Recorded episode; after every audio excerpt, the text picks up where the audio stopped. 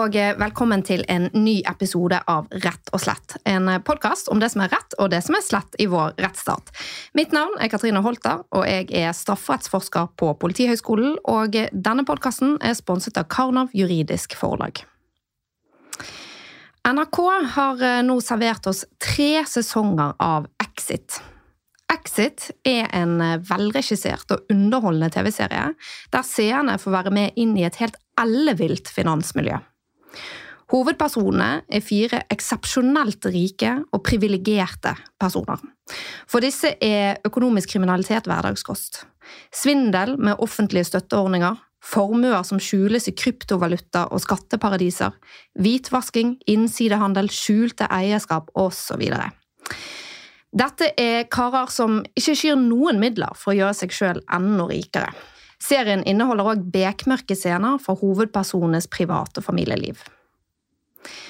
I Exit-serien får vi òg se et Økokrim som sliter med å få dokumentert og oppklart forbrytelsene i miljøet. Det er viktig å understreke at Exit eh, er ikke en dokumentar, men eh, ifølge serieskaper Øystein Carlsen så er omtrent 70% av handlingen basert på historier fra virkeligheten. Hvis dette òg speiler omfang av økonomisk kriminalitet og Økokrims utfordringer med å få has på det, så er det vel grunn til bekymring. For eh, selv om de fleste rike mennesker i Norge bidrar til samfunnet og lever sine liv etter boken, så er det grunn til å spørre om det òg finnes en liten pengesterk superoverklasse som lever et liv i sus og dus helt uanfektet av norsk lov. I dag så lurer jeg på hva som er virkelighetens exit. Hvilke konsekvenser har økonomisk kriminalitet for eh, samfunnet, og er Økokrim godt nok rustet til å bekjempe det? Dagens gjest er Økokrim-sjef Pål Lønseth. Han er jurist fra Universitetet i Bergen. Han har vært eh, statssekretær for den tidligere justisministeren Grete Farmo, og han har lenge jobbet som statsadvokat. Velkommen til Rett og slett. Tusen takk. Hvor dekkende er det bildet som vi har sett av finansmiljøet i Exit for virkeligheten? Er det så ille der ute som man kan få inntrykk av? Jeg tror det er grunn til å starte med å si at uh, det du ser i Exit-TV-serien, er jo ikke illustrerende for hele finanssektoren. Uh, tvert imot så er uh, det aller meste av finanssektoren skikkelige folk og lovlydige folk som gjør en solid innsats hver eneste dag eh, for å bl.a. tjene penger for sine kunder og klienter og for seg selv, som på en helt lovlig måte. Eh, så, sånn sett så er ikke Exitene, men de utrerte eksemplene, de personeksemplene som du ser i Exit, de finnes også i virkeligheten. Og heldigvis ikke veldig mange, da. Det er veldig få tall. veldig ja veldig få mennesker som er, eh, er slik du ser der. Mm. Ja, og, da, og, i så måte så er jo, når regissøren sier at 70% er basert på historie fra virkeligheten, så er det nok uh, sikkert dekkende for, for, disse personene, da. Ja. Men ikke for hele finansmiljøet som sådan. Nettopp. Ja. Men kan du beskrive litt nærmere hva det er som rent faktisk skjer? Altså Hvilken kriminalitet er det som blir som begås i finansmiljøene. Du har vært inne på det i introen din. altså Innsidehandel er én ting. altså at du... Hva er det for noe? Ja, det er eh, Du får informasjon om noe som f.eks. kan eh, bevege en aksjekurs opp eller ned. Eh, og du kan gjøre investeringer eller selge deg ut, for den saks skyld, hvis det er gunstig. Basert... F.eks. at et firma skal investere i noe nytt utstyr eller et eller annet sånt som gjør at verdier på aksjer vil kunne øke? Ja, f.eks. hvis at eh, et, et, børsnotert selskap uh, er i ferd med å vinne en stor uh, kontrakt. Som vil ha åpenbar betydning for inntjeningen til det børsnoterte selskapet så kan det være børssensitiv informasjon. Eh, som hvis du sitter på den før markedet selv sitter på den informasjonen, så kan du da f.eks. kjøpe opp aksjer i det selskapet, og derved oppnå en gevinst når den aksjekursen stiger som følge av den store kontrakten. Men det må jo være utrolig vanskelig å bevise og etterforske? Ja, i noen sammenhenger så er det jo fort det. Eh, at noen sitter på informasjon som, eh, og agerer på den informasjonen som de da eh, sitter på. Og tjener da penger på det. Det kan være vanskelig å etterforske. Og så er det, bruker vi de midlene vi har innenfor straffeprosessen til å da etterforske disse tingene. Og det er jo ikke noe umulighet på noen måte, men i noen sammenhenger så kan det være krevende, ja. Hvilke midler er det dere har, da? Som er sentralt her? Ja, Det er i bunn og grunn de samme etterforskningsmetodene som politiet for øvrig uh, bruker. Uh, det er tradisjonell etterforskning, men også skjulte metoder uh, som, som, avlytting og datalesning. Og den type virkemidler som, som, politiet som jobber med annen type kriminalitet, også bruker. Mm. Ok, Så innsidehandel det er noe som foregår i Norge. Er det andre former for kriminalitet som er knyttet til disse miljøene? Eh, ja, altså de miljøene som eh, eh, tjener illegale penger, f.eks. gjennom innsidehandel eller skattesvik eller på en annen måte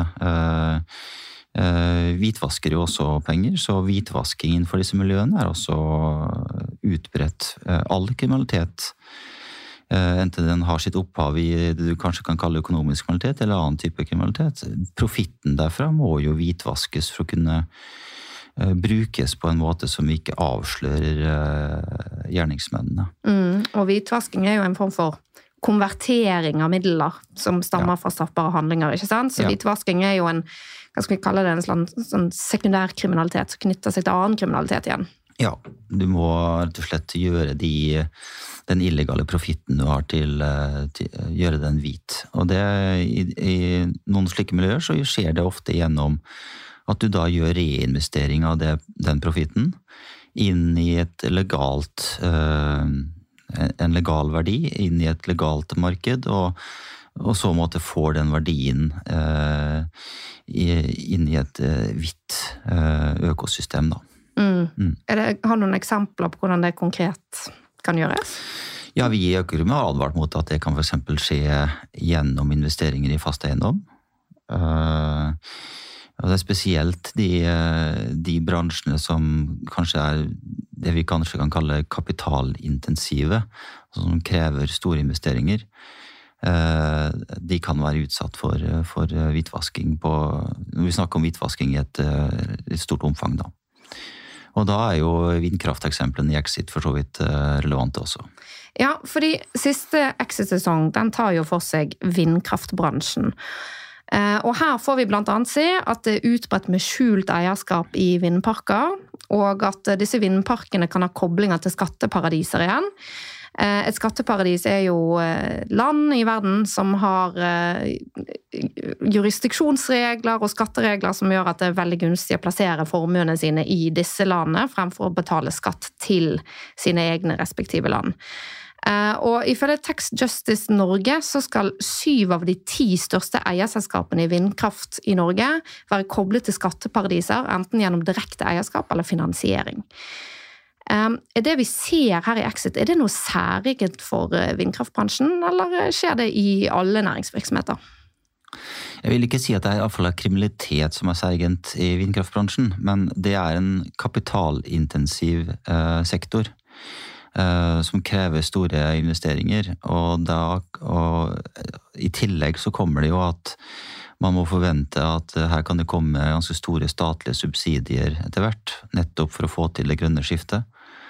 Eh, og det er to elementer som kan være ganske attraktivt for kriminelle å utnytte. Både det at du kan eie noe skjult, eh, og derved kanskje unndra skatt på den måten. Eh, og i tillegg da kunne oppnå subsidier også, basert på mer eller mindre riktig informasjon som du da gir til myndighetene. Ja, Så dette med det grønne skiftet og på en måte eh, insentiver til å investere mye penger, altså, det kommer da med en risiko for kriminalitet? Ja, det gjør det absolutt. Og det gjør det. Det er ikke spesielt for eh, vindkraftbransjen eller uh, bransjer knytta til, uh, det grønne skiftet. Det er det er det typiske vi ser. Der det er subsidier eller der det er støtteordninger, der kan det være kriminalitet. Og det så vi for så vidt gjennom covid-19-bedrageriene også. Vi var urolig forut for covid-19-støtteordningene, de finansielle støtteordningene som skulle Eh, få oss gjennom covid-19-pandemien. Eh, de, de, så vi var utsatt, og derfor gjorde også Økokrim ganske store anstrengelser for å jobbe tett sammen med de myndigheter som administrerte de støtteordningene for å unngå mest mulig kriminalitet. Mm. Mm. Og så er jo det, sant, det er jo dette med det skjulte eierskapet som vi ser i forbindelse med vindkraft. Um, og da lurer jeg litt sånn på Vet vi egentlig hvem det er som eier den kritiske infrastrukturen i Norge? Nei, ikke nødvendigvis. Det gjør vi ikke. Eh, vi vet ikke nødvendigvis hvem som eier eh, eiendommer som kan være strategisk, av strategisk betydning, sikkerhetsmessig. Eh, og vi vet ikke nødvendigvis hvem som eier et, ja, f.eks. et kraftselskap. da. Er dette problematisk? Eh, ja, det er jo det. Eh, det er jo problematisk eh, både i en sikkerhetspolitisk perspektiv Fordi? Ja, det er jo greit å vite om en stor strategisk eiendom er reelt sett under, ja, kall en spade for en spade, russisk eie. Eller om, om en, et stort kraftverk reelt sett er eid av Eh, noen som f.eks. står et, eh, et, regime man ikke har så godt forhold til, eh, står det nært. Det er klart at det er, har en sikkerhetspolitisk side. I tillegg til det, som jo for så vidt Økokrims, Økokrims mandat, og som vi har snakket om i mange år, altså lenge før invasjonen av Ukraina, er jo at Eh, disse eh, hemmeligholdte strukturene kan bidra til, eller være en del av et virkemiddelapparat for å begå økonomisk kriminalitet. Eh, det være seg enten skatteunndragelser eller f.eks. hvitvasking. da. Mm. Mm. Um, og denne Exit-serien, jeg antar at du kjenner jo den ganske godt. For jeg har forstått sånn at Økokrim har hatt en rolle på bakrommet der, hjulpet litt til. Stemmer det? Ja, vi ble kontaktet av eh, produksjonsselskapet for å, om vi hadde eh, noen innspill. Og det, vi, normalt sett så er vi jo litt forsiktige med, med, med slikt, men vi, vi, skjønte jo at det er et behov ute der for å si, informere offentligheten rundt hva økonomisk kriminalitet egentlig er. Og så visste jo vi at det, det har, dette er en TV-produksjon som ikke nødvendigvis er så si, juridisk riktig i alle detaljer. Eh, men det viktig, var viktig for oss å kunne gi noen innspill på hvordan, mm. i en litt populistisk form, da, eh, hvordan økonomisk kriminalitet mm. skjer. Det var litt interessant å se disse avhørene med disse hovedkarakterene, som da ble gjennomført totalt uten forsvarer til stede. Og, ja. ja. Ja, Det er jo ikke nødvendigvis sånn at en forsvarer alltid må være til stede. Det kommer litt an på hva siktede eller mistenkte selv eh, ønsker. Men, eh, men det er selvfølgelig noen snarveier som tas i en sånn produksjon, og alt blir ikke helt nødvendigvis helt juridisk riktig osv. Men, eh, men jeg tror serien synliggjør at det er noen miljøer som, som kan begå en kriminalitet som er veldig samfunnsskadelig. Ja, og den får jo også frem på en måte altså at man får en bedre forståelse for den type kriminalitet som kan være litt sånn abstrakt. Mm. Altså, hva er hvitvasking, liksom? Det er liksom ja. Hvis ikke man skjønner finansverdenen veldig godt fra før, så kan jo det være litt uh, utilgjengelig for folk. Ja, og det, det er jo litt utilgjengelig for politiet også. Uh, fordi at uh, det som politiet er aller best på, er jo å bekjempe kriminaliteten som er synlige. Uh, og så er det ikke alltid like lett å gå etter den kriminaliteten som man ikke ser opp i dagen. Uh, og herunder økonomisk kriminalitet. Ja, og da kommer vi egentlig litt inn på rollen til Økokrim. For jeg lurer litt på hva Økokrim egentlig er, mm. um, og hvordan forholdet mellom Økokrim og den generelle påtalemyndigheten Hvordan skal vi forstå det? Altså, Hvorfor er Økokrim skilt ut som en egen hva skal jeg si, er det en egen etat? Ja, Det er et eget, eh, det er, den sentrale enheten for, for, både etterforskning og påtale av eh, økonomisk kriminalitet og miljøkriminalitet. Vi driver ja. også med miljøkriminalitet. Det er et særorgan i politiet, ikke sant? Det er et særorgan i politiet, men som også da har, er en del av en høyere påtalemyndighet. Altså vi har den høyere påtalemyndighet integrert i vår uh, struktur. Hva betyr det? Det betyr at hos oss så er det statsadvokater, og førstestatsadvokater også, som er involvert i, eh, i etterforskningene. Ja, som det ikke sånn, er til vanlig. og da er det sånn i påtalemyndigheten i Norge, altså dette har vi snakket om i tidligere episoder, jeg har jo hatt med Riksadvokaten her før, eh, at påtalemyndigheten i Norge er bygget opp etter en, eh, en sånn eh, kan kan kalle en pyramide, der du har På toppen så har du jo Riksadvokaten, og så har du i midten så har du statsadvokatembetene, og nederst så har du påtalejuristene som er integrert i politiet. Mm. Uh, og da, det du sier at dere er underlagt Riksadvokaten, uh, men samtidig da fungerer som en uh, ja, et kontor på statsadvokatnivå, altså i midten. Ja, det er riktig. Vi har påtalemyndighet, også politiadvokater i vår struktur, og så har vi statsadvokater. Og det gjør oss veldig særegent, fordi eh, vi er en struktur som både da politiadvokater og statsadvokater, som er veldig særegent. Ja, Så dere er integrert både på det nederste nivå og mellomste nivå. Det er riktig. Og så har jo vi to styringslinjer. Eh, Vi har en som et til Politidirektoratet og opp til Justisdepartementet deretter, eh, som på det politimessige, organisatoriske, og det som er utenfor straffesak. Eh, Og så er, eh, er vi underlagt av påtalemyndigheten og Riksadvokatstyringslinjen i den enkelte etterforskning og straffesak. Og hva er det som er ansvarsområdene til Økokrim? Ja, det er eh, det som du eh, litt grovt kan kalle økonomisk kriminalitet og miljøkriminalitet. Eh, og det vi eh, nok jobber mest med, er type Det er bedragerier av ulik art. Det er eh, skattesvik av litt ulik art. Eh, det er eh, en rekke miljølover som har sine straffebud, som vi jobber med. Uh, hvitvasking, selvfølgelig, uh, er, står sentralt hos oss. Korrupsjon, uh, bekjempelse av korrupsjon står sentralt. Eh, og så gir vi, i tillegg til å ha våre egne saker, så bistår vi da med spesialkompetanse til politidistriktenes egne etterforskninger innenfor dette feltet. For det er jo ikke sånn at Økokrim skal ta all økonomisk kriminalitet og miljøkriminalitet. Det skal i utgangspunktet tas av politidistriktene, alt sammen. Og så er det Økokrim som etter påtaleinstruksen skal ta eh, de sakene som, som kanskje har eh, Som er de mest alvorlige, og kanskje de som eh, gjerne har utenlandske forgreininger, eh, og på en annen måte gjør de veldig alvorlige, da. Ja. Mm. Um, men hva er forholdet da til skatteetaten? For skatteetaten driver vel ikke etterforskning, men de gjør vel mye forarbeid, da? Det gjør de. Og de gjør et solid eh, forarbeid før de anmelder eh, Nå anmelder de ikke veldig mange saker i, i året til politiet, men sånn 100-150 saker i året anmelder skattemyndigheten til politiet. Eh, Når de da mener at her er det et skattesvik som er så, så alvorlig og konkret at de ønsker en straffeforfølgning av den skattyteren som de da anmelder. Eller det selskapet de da anmelder. Mm. Um, og, og, og det skal i utgangspunktet håndteres av politidistriktene, og så er det Økokrim som tar noen av de, de litt større, da. Vil du si noe mer om hvorfor vi da har Økokrim? Altså, jeg tror, tror det begynner å tegne seg et bilde her, men er det viktig at vi har en egen etat for dette? Ja, jeg tror nok, altså Hvis du ser på historien til Økokrim, så, så, så går den tilbake til 89, eller vel, og, og, øh, 1989. Og, og årsaken til at den at Økokrim så dagens lys, var at øh, de litt mer kompliserte økonomiske etterforskningene ikke ble håndtert på en god nok måte i politiet.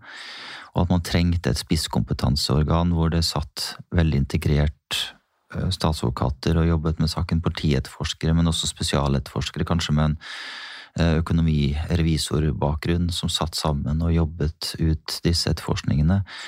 Eh, Man trengte en sånn, eh, en sånn knyttneve i politiet for å ta de mer kompliserte strukturene som drev med økonomisk kriminalitet. En slags spisskompetanse, rett og slett. Ja, En spisskompetanse som også skulle da eh, ikke bare etterforske egne saker, men også kunne bistå da med spisskompetanse ut til politidistriktenes egne etterforskninger. Og det gjør vi jo i stigende grad. Dere ligner jo egentlig ganske mye på Kripos, da, bare med et annet fagområde. Ja, eh, det kan du godt si. Og så har Kripos også noen andre oppgaver, selvfølgelig, og litt annet fagområde. Og så, men så er det veldig behov for å ha en spisskompetanse både på bransje, men også økonomi og finansielt eh, da innenfor disse etterforskningene som eh, politiet ikke nødvendigvis er satt opp med. Hva slags folk er du ansatte da?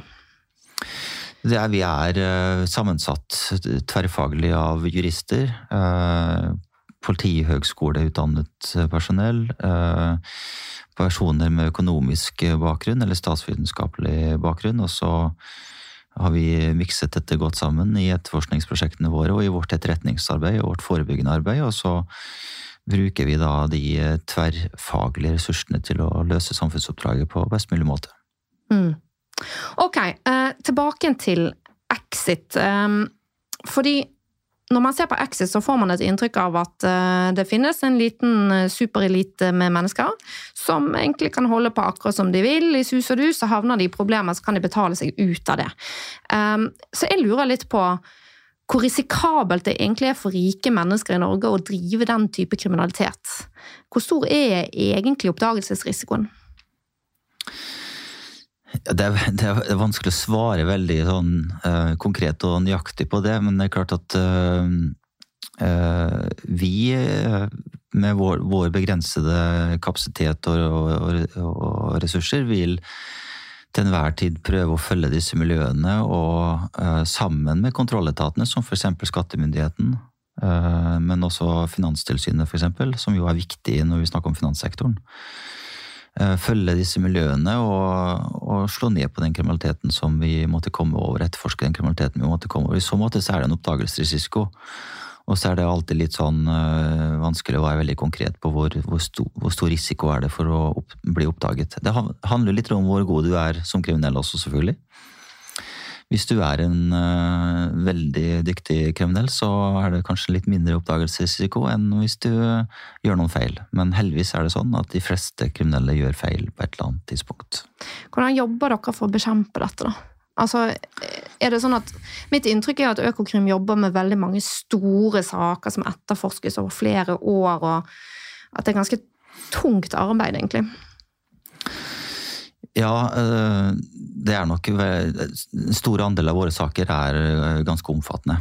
Eh, og så er det nok sånn at vi også har tatt inn noen like fullt så omfattende saker de siste årene. Og det er bevisst fordi at vi også er nødt til å ha en viss omløpshastighet på sakene våre for å kunne ja, eh, ha en fornuftig læringsprosess i, hos våre ansatte.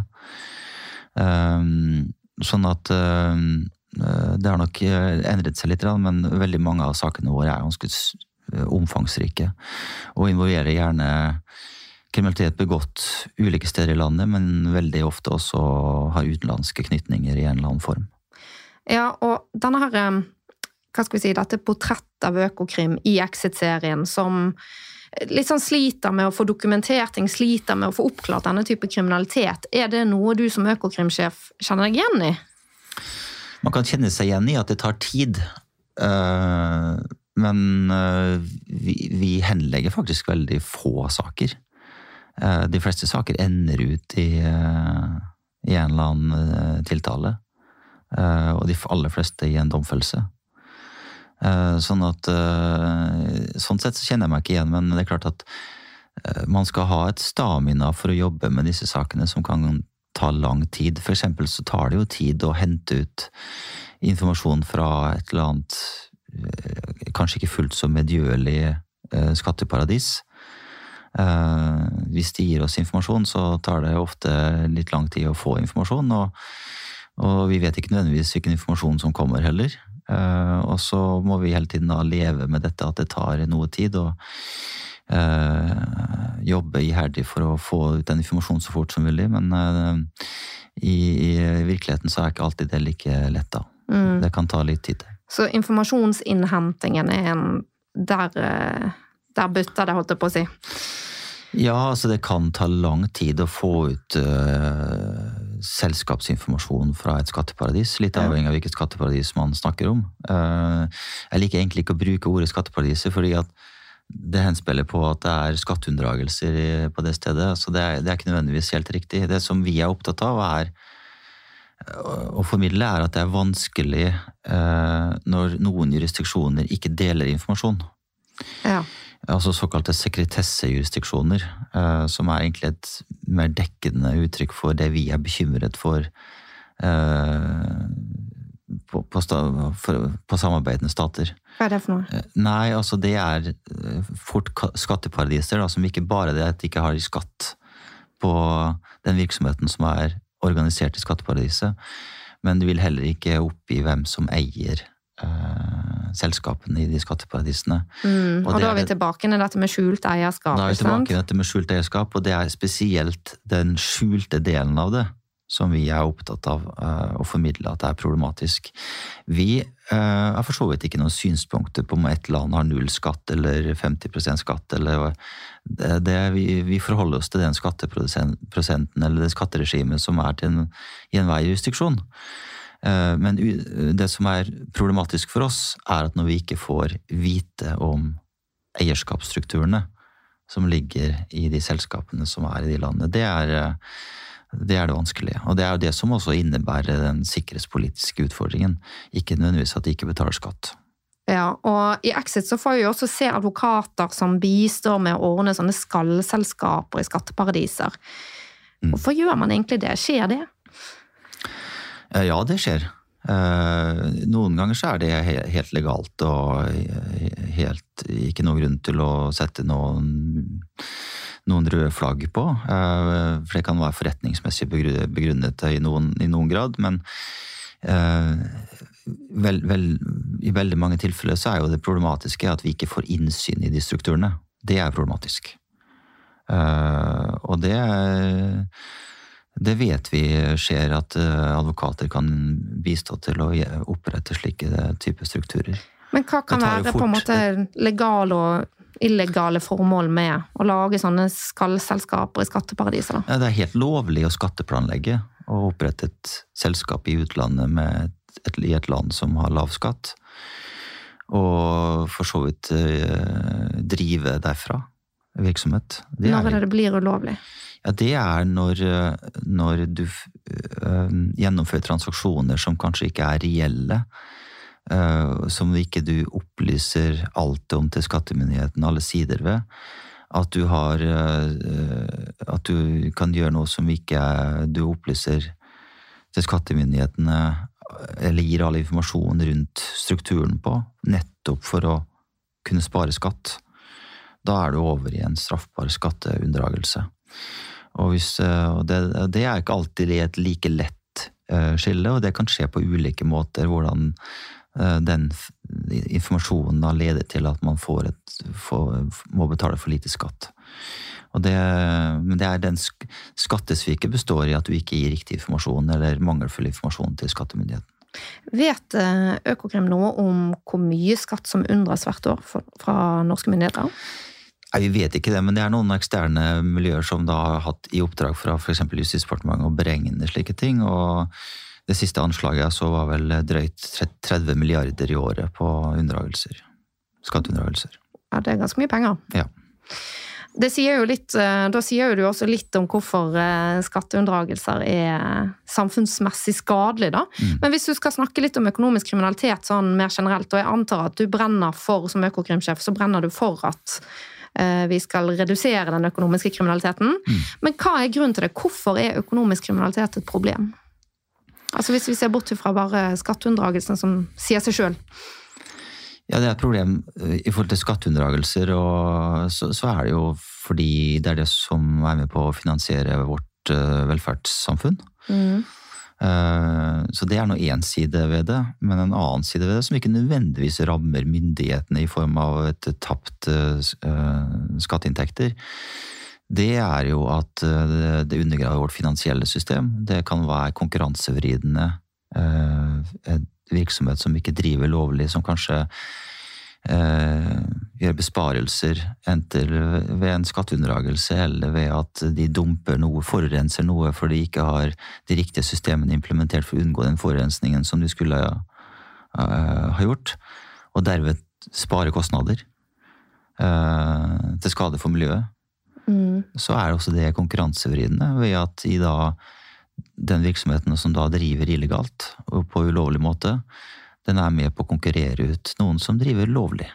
Og det er, ødelegger da strukturene våre i, i samfunnet. Ja, og kan vi ta også et eksempel fra nyere tid. altså på korrupsjon, da. Altså, det har jo vi sett i Tyrkia, sant? Altså, der det har vært eh, ganske omfattende korrupsjon knyttet til eh, eh bygninger og sikkerhetsforskrifter og den slags. ikke sant? Og vi så hvordan det gikk når jordskjelvet traff, mm. Inntraff. Mm. Ja, korrupsjon er spesielt samfunnsundergravende. Og derfor har også vi vært veldig opptatt av uh, det ligger, det ligger vårt Altså, uh, vi prioriterer korrupsjonsbekjempelse uh, fordi det er så samfunnsskadelig. Og det har vi sett, og jeg tror hvis du går til de fleste væpnede konflikter i verden i dag, så har de en eller annen rotårsak i i eh, nedbrutte samfunn som ofte henger sammen med eh, utbredt korrupsjon. Mm. Etter ditt syn, um, gjøres det nok i Norge for å bekjempe økonomisk kriminalitet? Jeg tror vi kunne gjort en god del mer.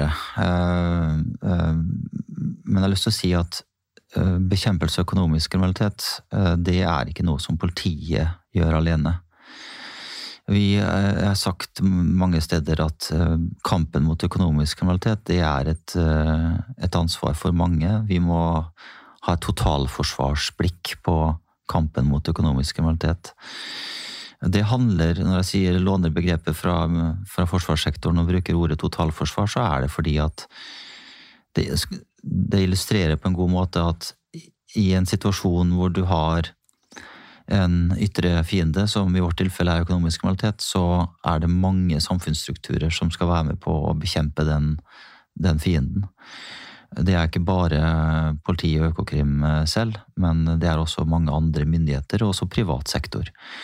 Og et godt bilde på det er jo den jobben som f.eks. finanssektoren gjør for å rapportere mistenkelige transaksjoner Eh, annet finanssektoren. Flere andre også. Ja, og nå er jo du litt inne på hvordan finansmiljøene selv jobber for å motarbeide mm. at dette skal bre om seg.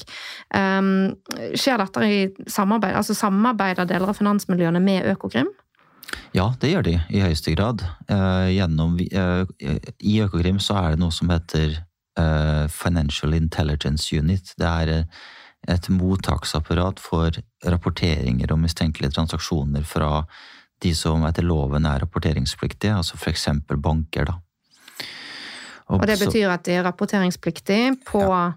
mistenkelige transaksjoner. transaksjoner. Ja, Så når en bank ser en transaksjon som kan være mistenkelig, f.eks. at det er en transaksjon som er eh, utenfor det formålet som den virksomheten som er involvert i transaksjonen, bør være involvert i, det kan være utbetalinger til en høytstående utenlandsk tjenestemann, Eh, den type transaksjoner skal rapporteres til Økokrim.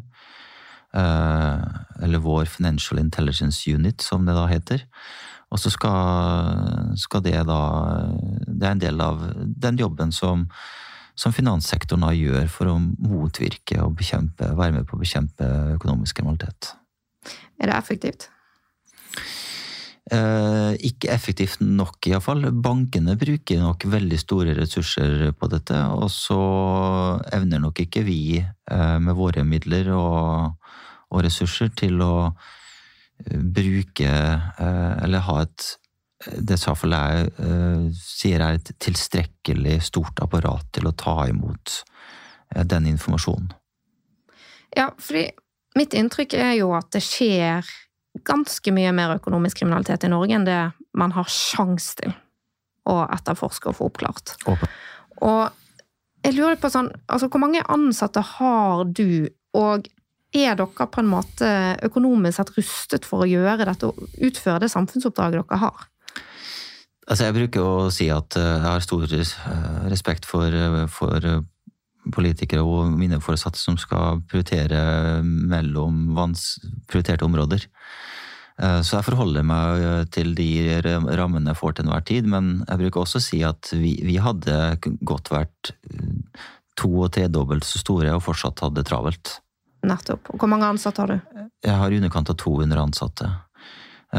Så det er ikke det er begrenset hva vi rekker over når også etterforskningene og, og iretteføringene for domstolene på de sakene vi tar tiltale, er så omfattende som de er. Det er ikke uvanlig med, for oss å etterforske store saker over lang tid. og å sitte i retten i flere runder med et omfattende apparat uh, i, i uke- og månedsvis i retten.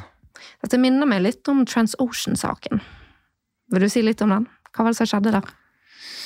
Ja, det er, det er, før min tid, og det, det er jo en sak som jo åpenbart var vanskelig, og som endte med at man ikke forfulgte den uh, videre. Eh, til slutt. Eh, som handlet eh, om det som Økokrim da den gang så som et, som et grovt skattesvik.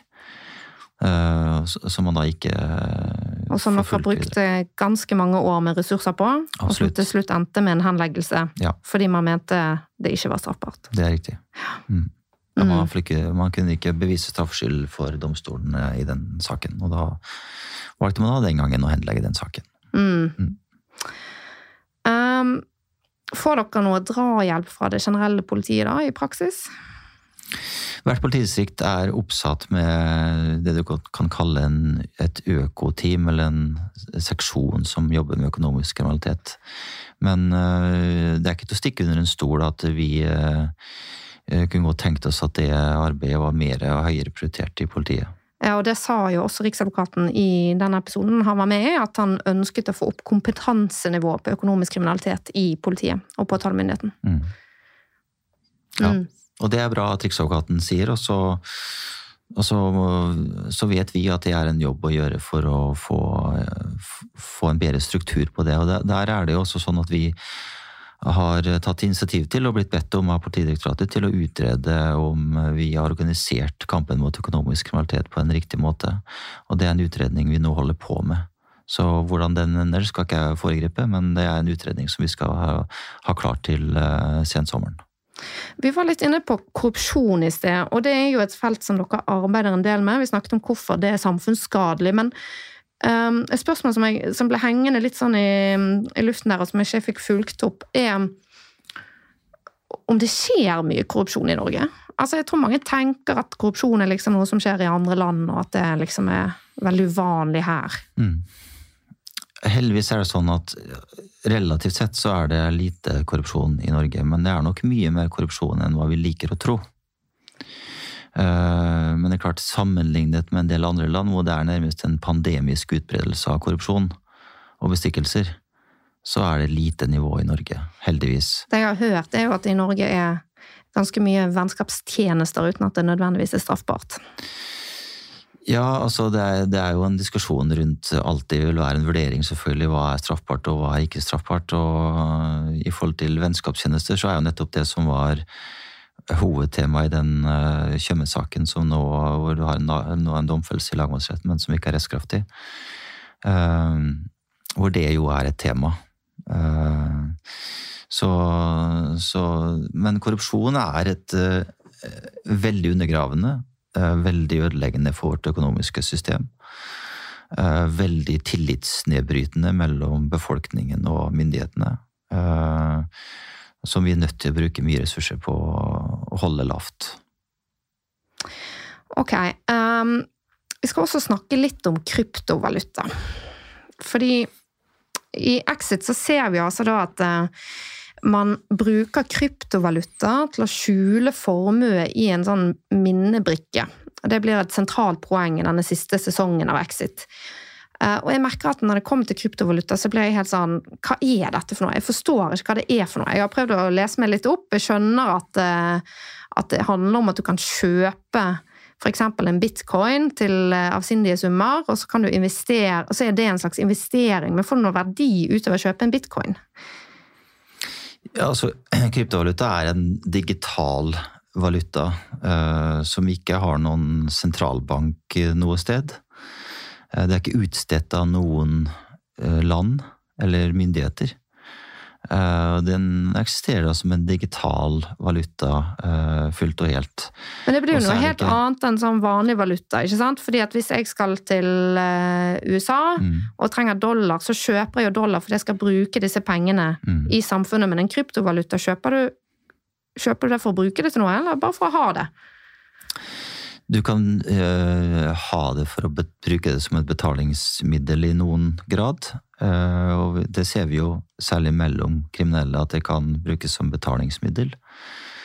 Uh, og det kan selvfølgelig Vi er opptatt av at det selvfølgelig også kan skje hvitvasking gjennom uh, kjøp av kryptovaluta.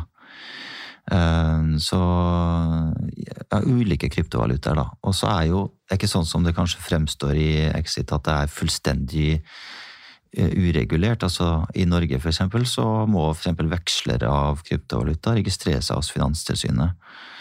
Eh, så det er ikke sånn at det er helt uregulert og så Texas som det kanskje er gitt uttrykk for i Exit, men um, det er en utfordring i noen grad for, uh, i forhold til at kryptovaluta kan brukes som et betalingsmiddel for, for, å betale for kriminelle tjenester.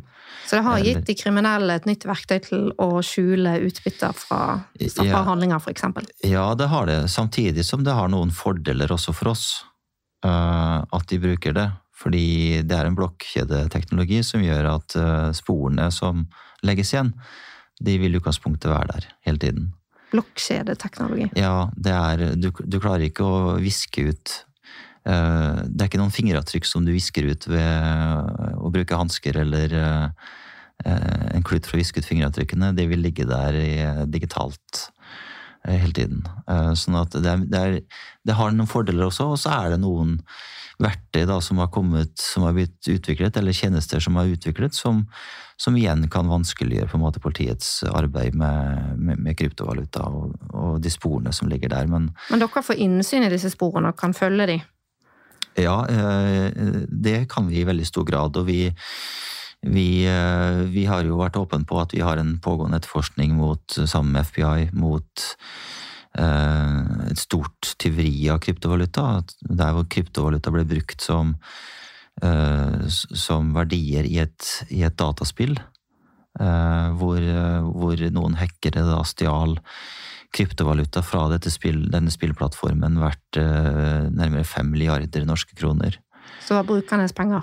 Ja, som ikke nødvendigvis de kan gjøre likvide umiddelbart. De må gjøre om da disse, dette, disse stjålne kryptovalutaene til likvide midler. og det er derfor vi har åpna etterforskning sammen med FBI, for å vanskeliggjøre den hvitvaskingsoperasjonen som de eh, hackerne må gjennom for å kunne gjøre disse midlene likvide.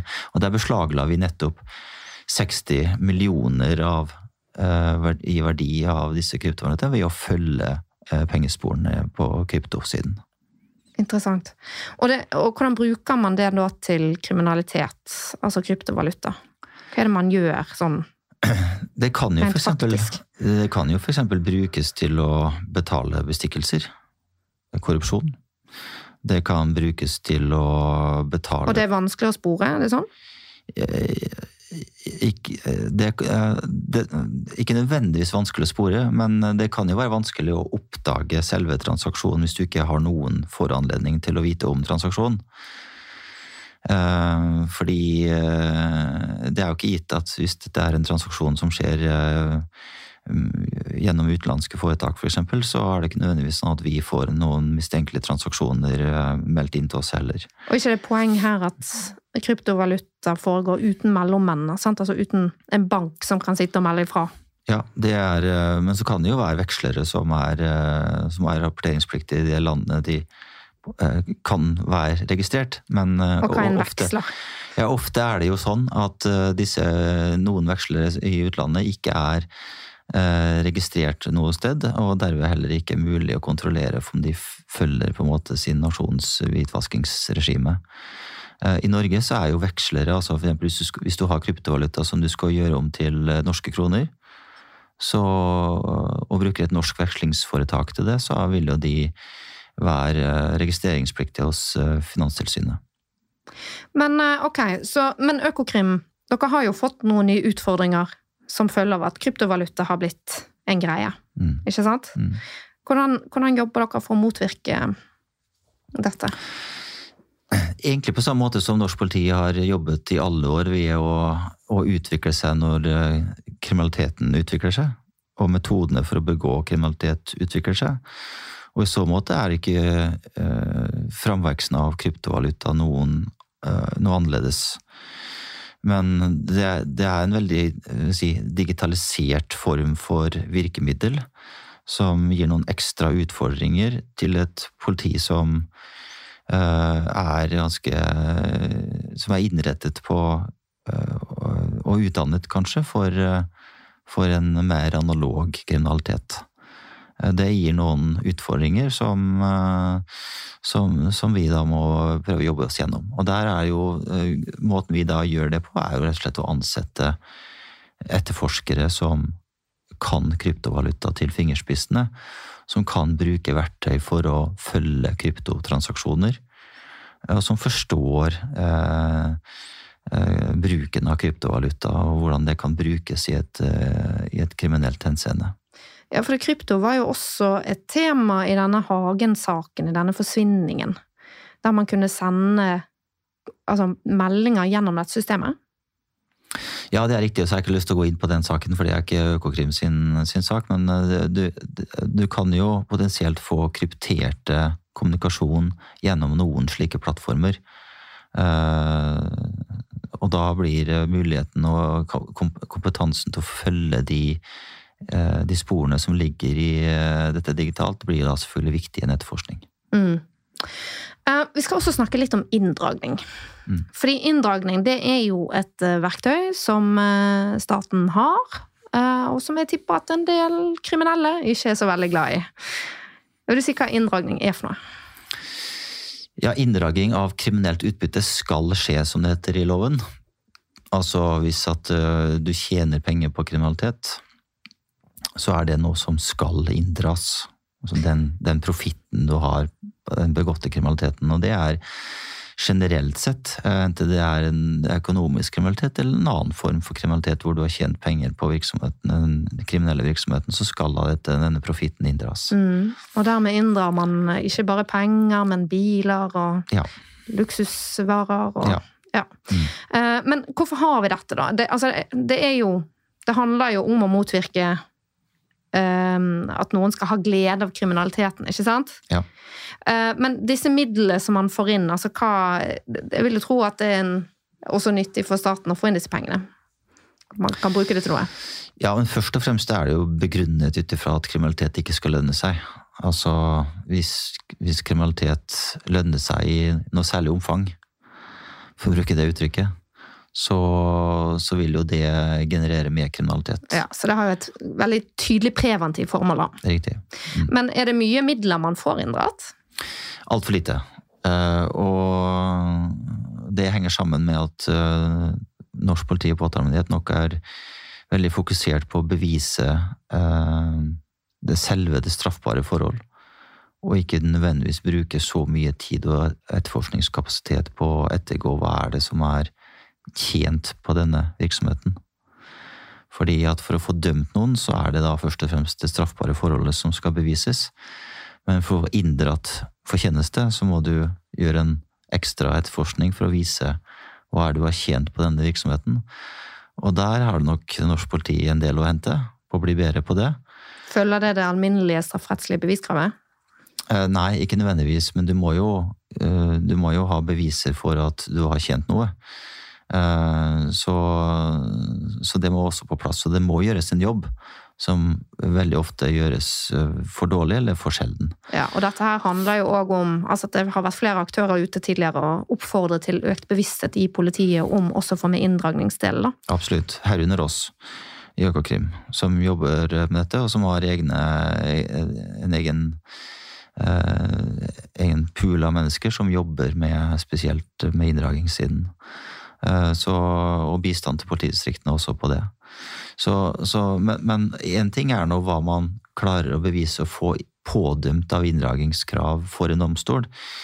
Eh, en annen, ting, en annen utfordring er jo at det sikres for lite midler i en etterforskning for å realisere verdiene til dekking av disse inndragingskravene. Det spiller ikke så stor rolle om du får, som kriminell får en dom på Eh, ti millioner inndraging eh, på papiret hvis myndighetene ikke klarer å få tak i de ti millionene. Og det handler også om at man må sikre midler underveis i nettforskning. Hvordan for gjør man det? Gjennom, for eksempel gjennom pant i fast eiendom. inndraging av biler, båter, kontanter, bankkonti, aksjer. Alt er verdi som kan sikres for å realisere det inndragningskravet, må, mm. uh, Så dette beslaglegges underveis? Beslaglegges og tas arrest i underveis i etterforskningen. Mm. Og der er det, det er en stor jobb, og i mange sammenhenger så blir ikke den jobben prioritert, fordi man prioriterer å etterforske selve det straffbare forholdet. Men uh, disse midlene, hvor ender de opp når de er først inndratt?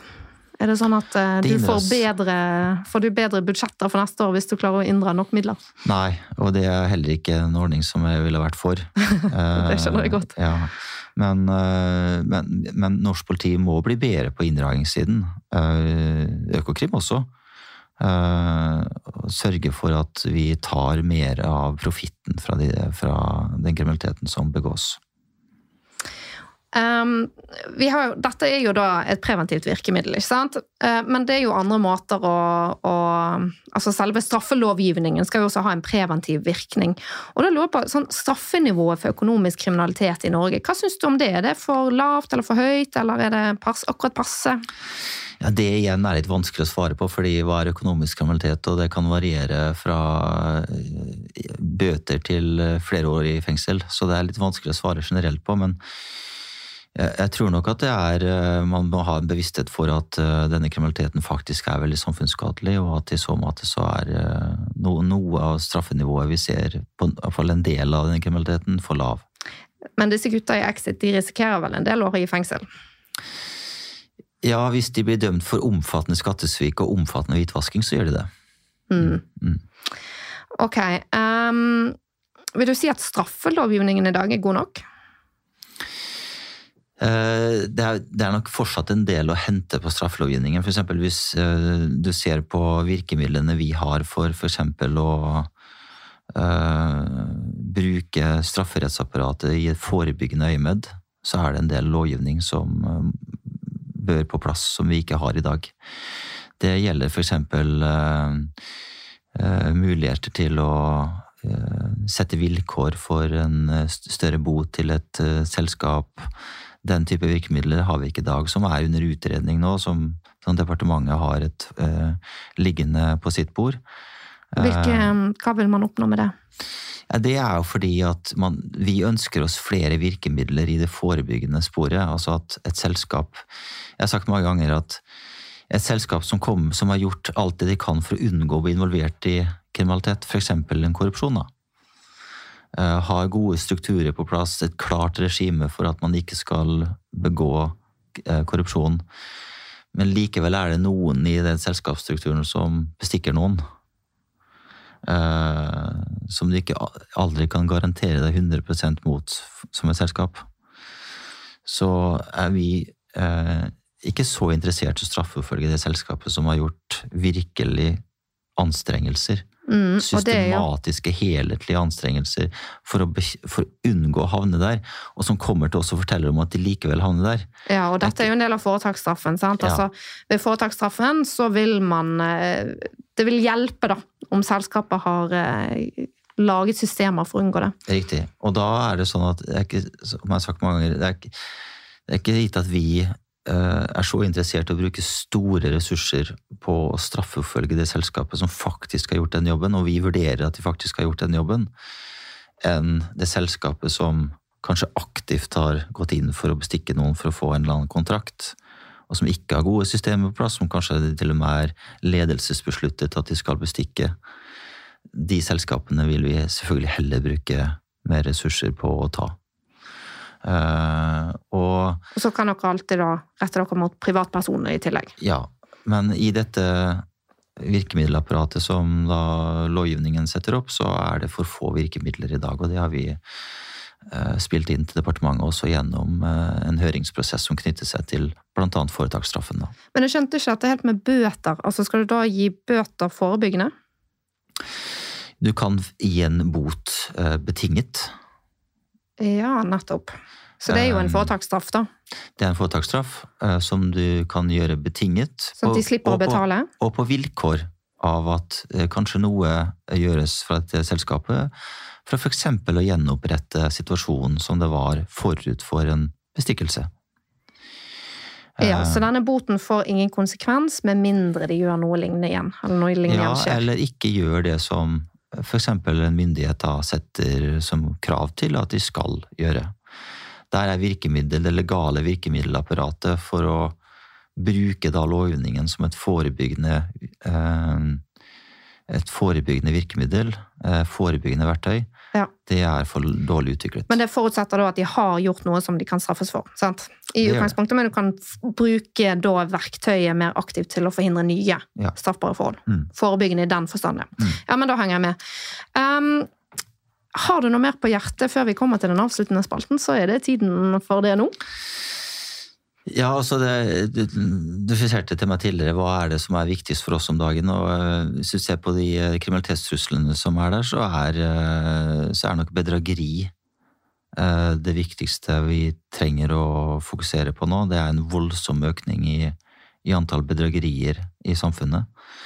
Både mot privatpersoner, men også mot selskaper. Og de bedrageriene har veldig ofte en digital form.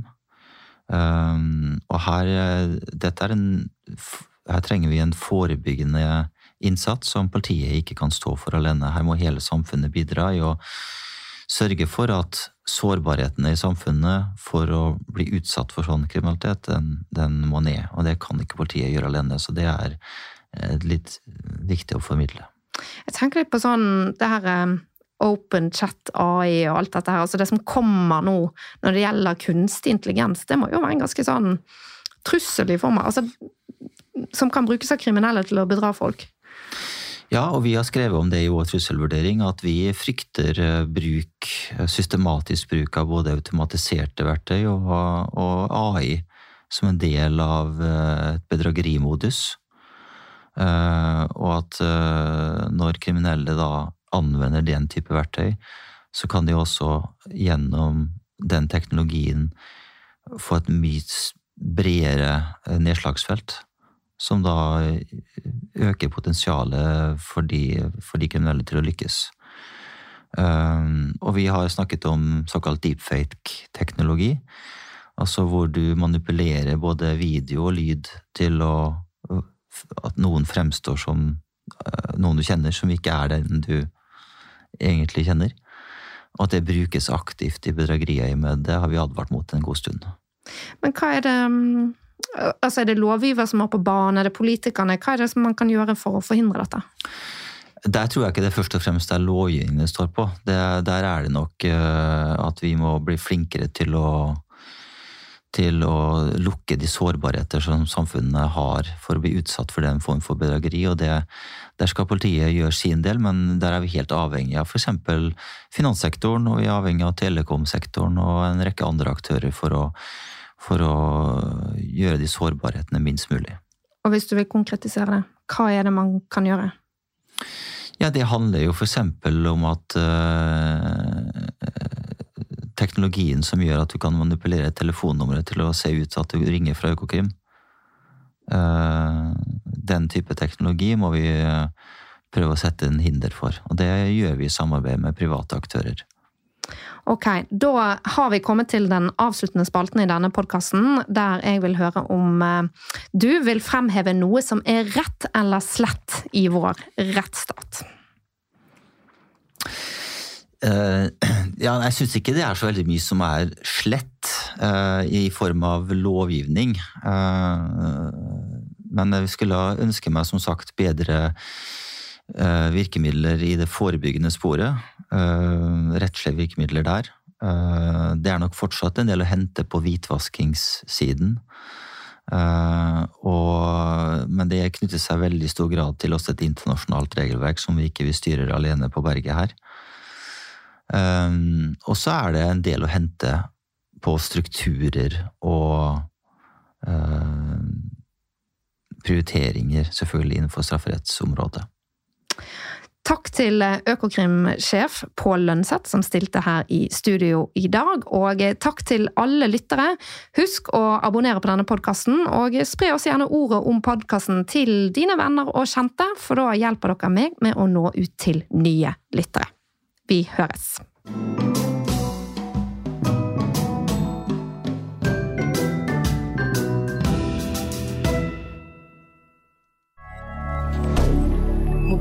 rien dire.